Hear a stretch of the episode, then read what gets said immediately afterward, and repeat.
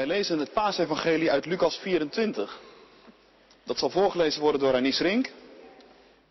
En de tweede lezing is een fragment van Paulus uit het beroemde hoofdstuk over de opstanding uit 1 Korinthe 15. Maar op de eerste dag van de week gingen ze bij het ochtendgloren naar het graf met geurige olie die ze bereid hadden. Bij het graf aangekomen zagen ze echter dat steen voor het graf was weggerold. En toen ze naar binnen gingen, vonden ze het lichaam van de Heer Jezus niet. Hierdoor raakten ze helemaal van streek. Plotseling stonden er twee mannen in stralende gewaden bij hen. Ze werden door schrik bevangen en sloegen de handen voor hun ogen.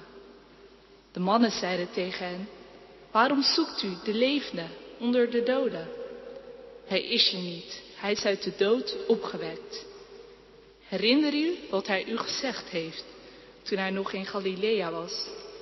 De menszoon moest worden uitgeleverd aan zondaars. Hij moest gekruisigd worden en op de derde dag opstaan. Toen herinnerden ze zijn woorden.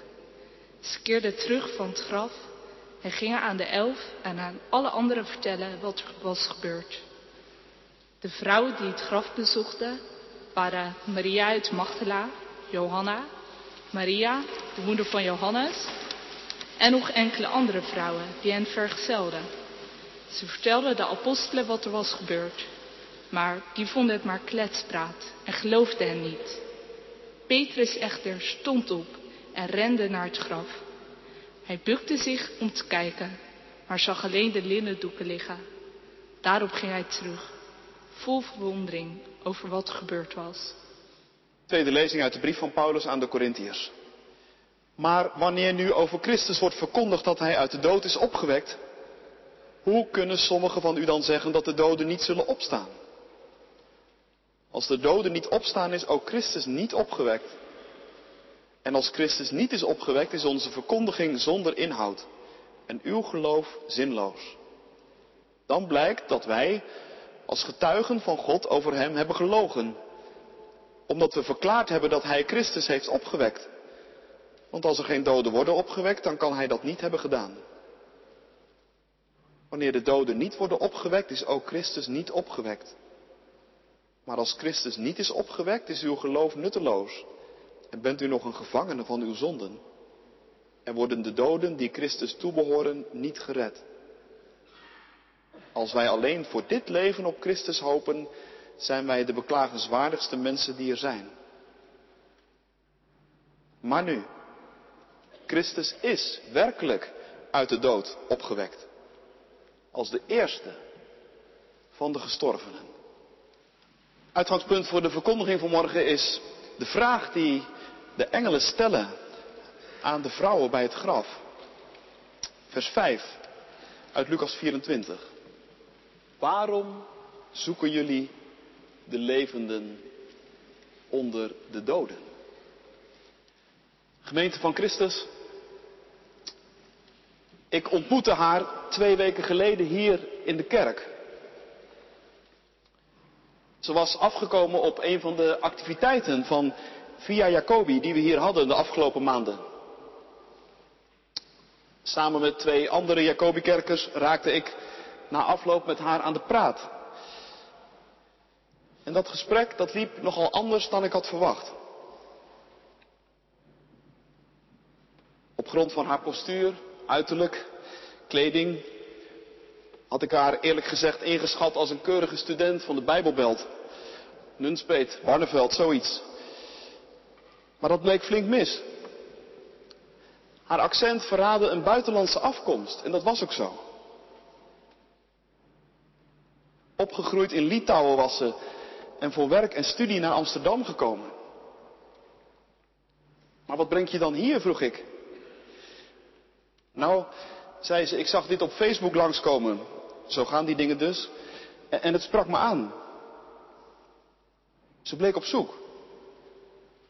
De grote vragen van het leven. Wie ben ik? Waar kom ik vandaan? Ga ik ergens naartoe? Die hadden haar te pakken. En voor de antwoorden liet haar atheïstische opvoeding haar toch wat in de steek. In Amsterdam had ze het boeddhisme leren kennen, vertelde ze. Mediteren, dat sprak haar aan. Je diepste ik ontdekken en dan daar wat bovenuit stijgen zonder dat je meteen in een of andere God hoeft te geloven. Het hielp haar om sterker in het leven te staan. Hadden een intens gesprek over Boeddha en over Jezus. Na afloop wensten we elkaar het beste, niet wetend of onze paden elkaar ooit nog eens zullen kruisen.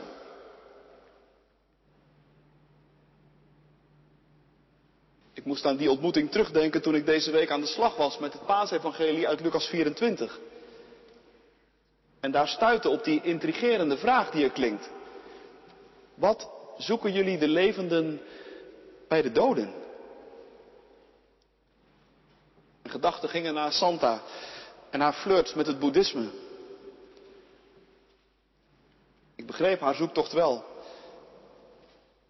Maar ik dacht ook ergens wat jammer. Want waarom zou je nou inderdaad de levende zoeken bij de doden?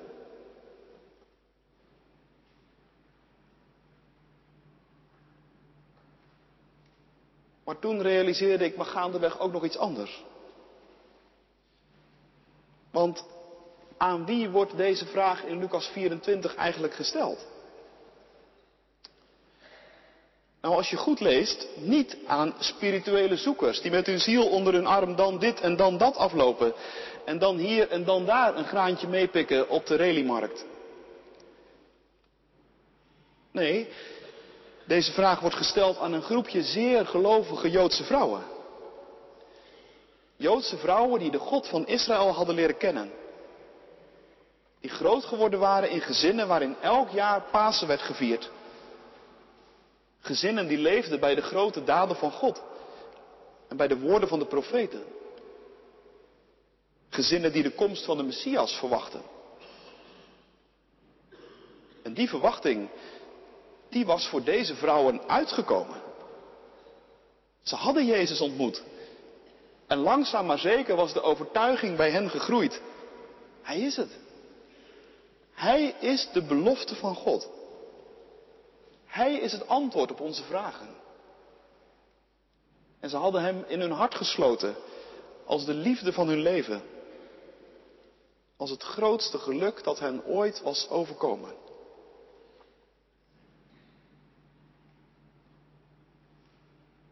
Nu, als je het zo bekijkt, dan kost het denk ik niet heel veel moeite om vanmorgen iets van jezelf in die vrouwen terug te zien.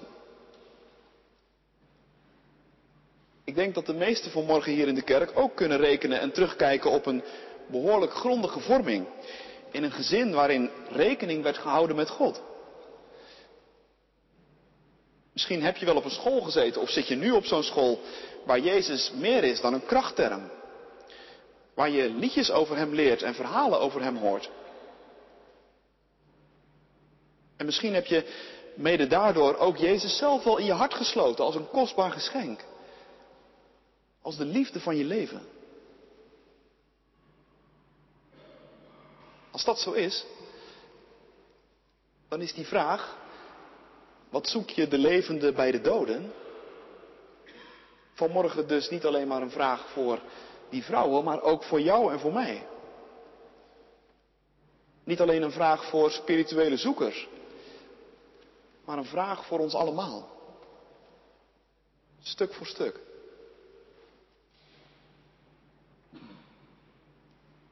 En, en waarom klinkt die vraag dan?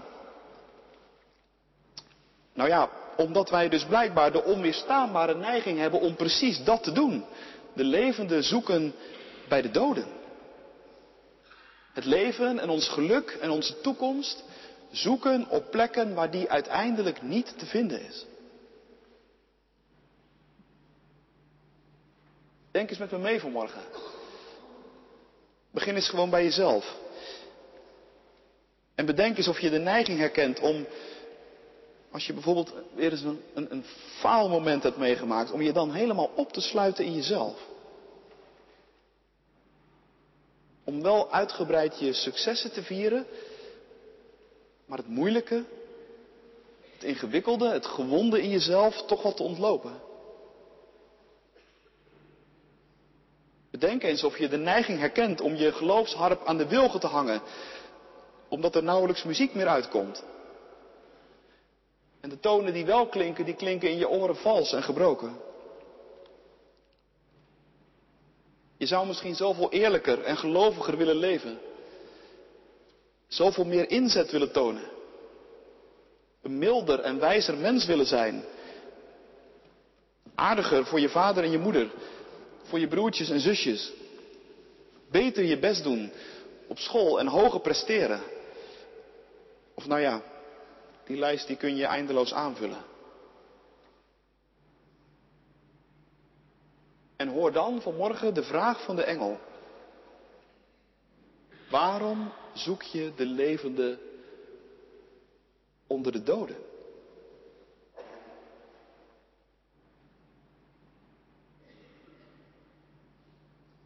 Dat is niet alleen op persoonlijk niveau een belangrijke vraag. Je kunt hem bijvoorbeeld ook stellen aan de kerk als geheel. Je zou het niet verwachten als we hier zo met elkaar zitten vanmorgen, maar dat het met de zichtbare kerk in ons werelddeel er niet zo heel best voor staat, dat hoef ik jullie ook echt niet te vertellen. In dat opzicht waren die beelden van de brandende Notre Dame deze week heel profetisch. Ineens zag je voor je ogen wat figuurlijk gesproken op talloze plekken al heel lang bezig is te gebeuren. De kerk zoals we die kenden stort in. En wat doe je als je dat beseft? Nou, dan kun je bijvoorbeeld je houvast gaan zoeken in de veiligheid van het verleden. Je kunt helemaal terug willen naar oude en gestolde vormen en klassieke woorden. Omdat ze zo vertrouwd klinken en omdat ze je doen denken aan vroeger. Toen alles nog zoveel beter leek. Ik zie dat best wel gebeuren om me heen.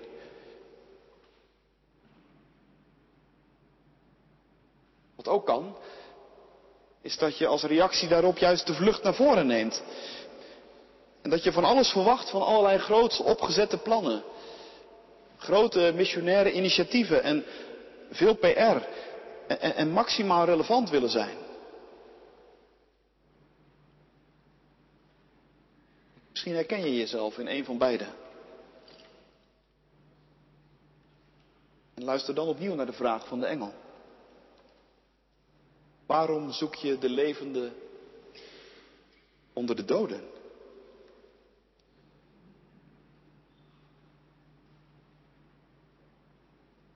In de derde plaats kun je die vraag ook stellen aan onze cultuur. Onderzoek na onderzoek laat telkens zien dat wij in een heel gelukkig stukje van deze wereld leven. Maar steeds duidelijker wordt ook tegen welke prijs dat is. In onze cultuur zit een heel sterke neiging om alle dingen naar onze hand te willen zetten. Het leven van de wieg tot het graf zoveel mogelijk te willen fixen en sturen en in zijn greep hebben. Daarom zijn we zo dol op protocollen en op afvinklijsten en op toetsen en op veiligheidsmaatregelen. Steken we miljarden in en uren, uren, uren. Maar de eenzaamheid lossen wij niet mee op. En vertrouwen krijgen wij niet mee terug. En liefde en hoop, die gaan daar echt niet van bloeien. En de grote vragen, waarom? Waarheen? Die worden daar echt niet mee beantwoord.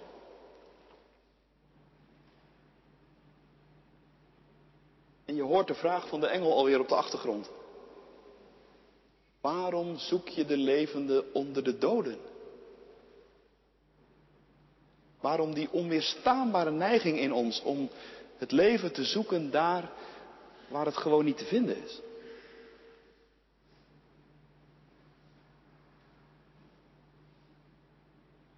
Dat is dus een kritische vraag die ons op paasmorgen wordt gesteld. Maar tegelijk Tegelijk is het ook een hele warme vraag. Het is een vraag die wordt gesteld uit intense betrokkenheid en liefde. Want die twee engelen die zien natuurlijk ook wel wat die vrouwen bij zich dragen. Aan kostbaarheden, aan olie en kruiden. En ze proeven het verlangen en de toewijding. En ze zien heus wel hoe begrijpelijk het is dat zij Jezus op die manier zijn laatste eer willen bewijzen. Maar ze zien ook de verwarring. Ze zien ook hoe die vrouwen bezig zijn om in hun verlangens en in hun toewijding steeds vaster te lopen. Want ze treffen iets aan waar ze totaal niet op gerekend hadden. Een steen. Niet voor, maar naast het graf.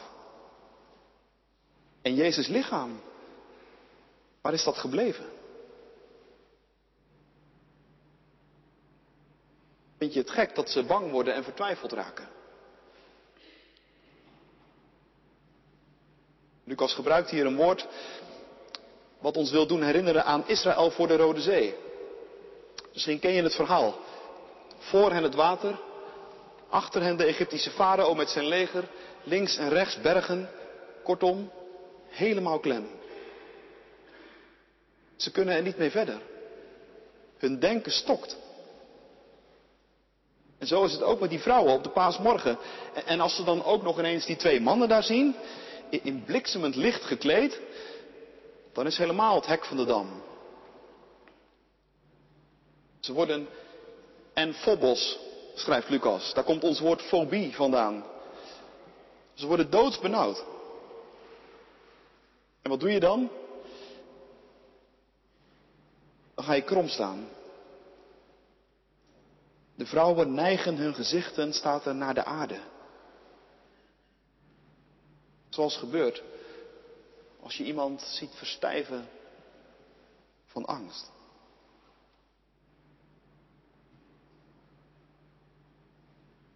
En dan klinkt dus die vraag. Wat zoeken jullie de levende bij de doden? Met andere woorden, merk je wat er gebeurt als je zoekt op de verkeerde plek? Hoe je dan vastloopt? Alles ademt hier een andere taal. Niet de taal van de dood, maar de taal van het leven. En, en, laat die vraag dan ook vanmorgen zo bij je binnenkomen. Als een intense, betrokken en warme vraag. De vraag van een boodschapper van God. Die je ziet verlangen naar het leven. En die je liefde voor de levende ziet. Die je toewijding kent. En je angsten. Die weet waarin je vastgelopen bent. Die weet van je doodgelopen pogingen om het leven en de levende daar te zoeken waar hij niet te vinden is. En die je dan vanmorgen in de ogen kijkt. En tegen je zegt, lieverd, je weet toch, de levende kan hier toch helemaal niet zijn.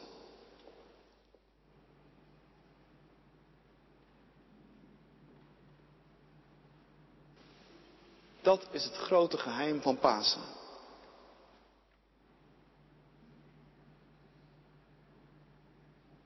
Maar nu de vraag, hoe komt Pasen nou bij ons binnen? Hoe wordt Pasen zo'n werkelijkheid in je leven dat je er ook bij kunt? ik zeg niet, hoe wordt Pasen in werkelijkheid een leven die je een beetje kunt hanteren en handelen? Dat willen wij graag, maar dat kan nooit. Want Pasen bedenk je niet zelf. Pasen gaat ons voorstellingsvermogen eindeloos te boven. Je zou daarom kunnen denken, Pasen is vast een feest voor vergevorderde gelovigen. Een feest voor de Epke Zonderlands, die aan hun religieuze rekstokken de ene na de andere wonderbaarlijke prestatie verrichten. En anderen mogen er naar kijken en denken dat gaat mij dus nooit lukken. Maar zo werkt Pasen niet. De engel zegt iets heel anders nog. Gedenk. Herinner. Gedenk hoe Hij tot jullie heeft gesproken. Gedenken, dat is dus teruggaan naar de woorden die Jezus al eerder had gezegd. En het met die woorden gaan proberen. Gaan wagen. Dat heeft Jezus namelijk zelf ook gedaan. Hoe verder hij in de richting van het kruis ging, hoe minder hij overhield, zou je kunnen zeggen. Geen mystieke hoogtepunten. Geen gelukzalige gevoelens omringden hem. Maar woorden uit de profeten. Woorden uit de psalmen. En die woorden waren genoeg voor hem om telkens een volgende stap te zetten. Uit de profeten las hij de weg af die hij moest gaan. En aan het kruis greep hij naar de psalmen. Misschien denk je, is dat het dan? Het voelt nogal minimaal. Nou, vergis je niet. Het was genoeg om de dood in de ogen te kijken. Het was genoeg om het graf mee in te gaan. En genoeg om door de dood heen te breken en op te staan in een nieuw leven. Zo nieuw. Dat het ons nooit meer zal lukken om de levende tussen de doden te vinden.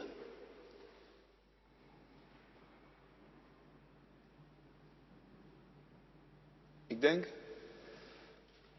daar ligt nou voor ons ook precies de sleutel. Hoe krijg je nou toegang tot Pasen? Hoe krijgt het een plek in je leven op een manier dat je er wat bij kunt? En hoe vind je vandaag de levende? Nou, als je dus net als Jezus waagt met de woorden van God, dan zul je merken dat Hij de levende is. Dan zul je merken dat er voor iedere stap die er gezet moet worden, hoe ingewikkeld en hoe complex die misschien ook is, dat er voor iedere stap die gezet moet worden een woord van God is, dat met je meegaat. Een woord van God dat in staat is om zijn paaslicht te laten schijnen in jouw donker. Een woord van God dat een nieuwe werkelijkheid laat openbreken. Waar jij er geen gat meer in ziet.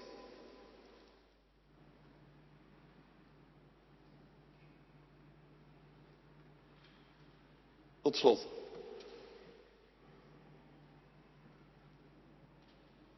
Diezelfde week had ik, ook hier in de kerk, nog een heel andere ontmoeting. Deze keer met twee mensen. Zomaar hier uit de stad. Ze hadden een heel aangrijpend verlies geleden. Bij de geboorte was, heel tragisch en onverwacht, hun kindje gestorven. En nu zochten ze een plek waar ze een soort gedachtenisbijeenkomst zouden kunnen houden. En ze mailden mij of dat misschien in de Jacobikerk kon. Deze plek kenden ze van concerten. En de ruimte sprak hen aan.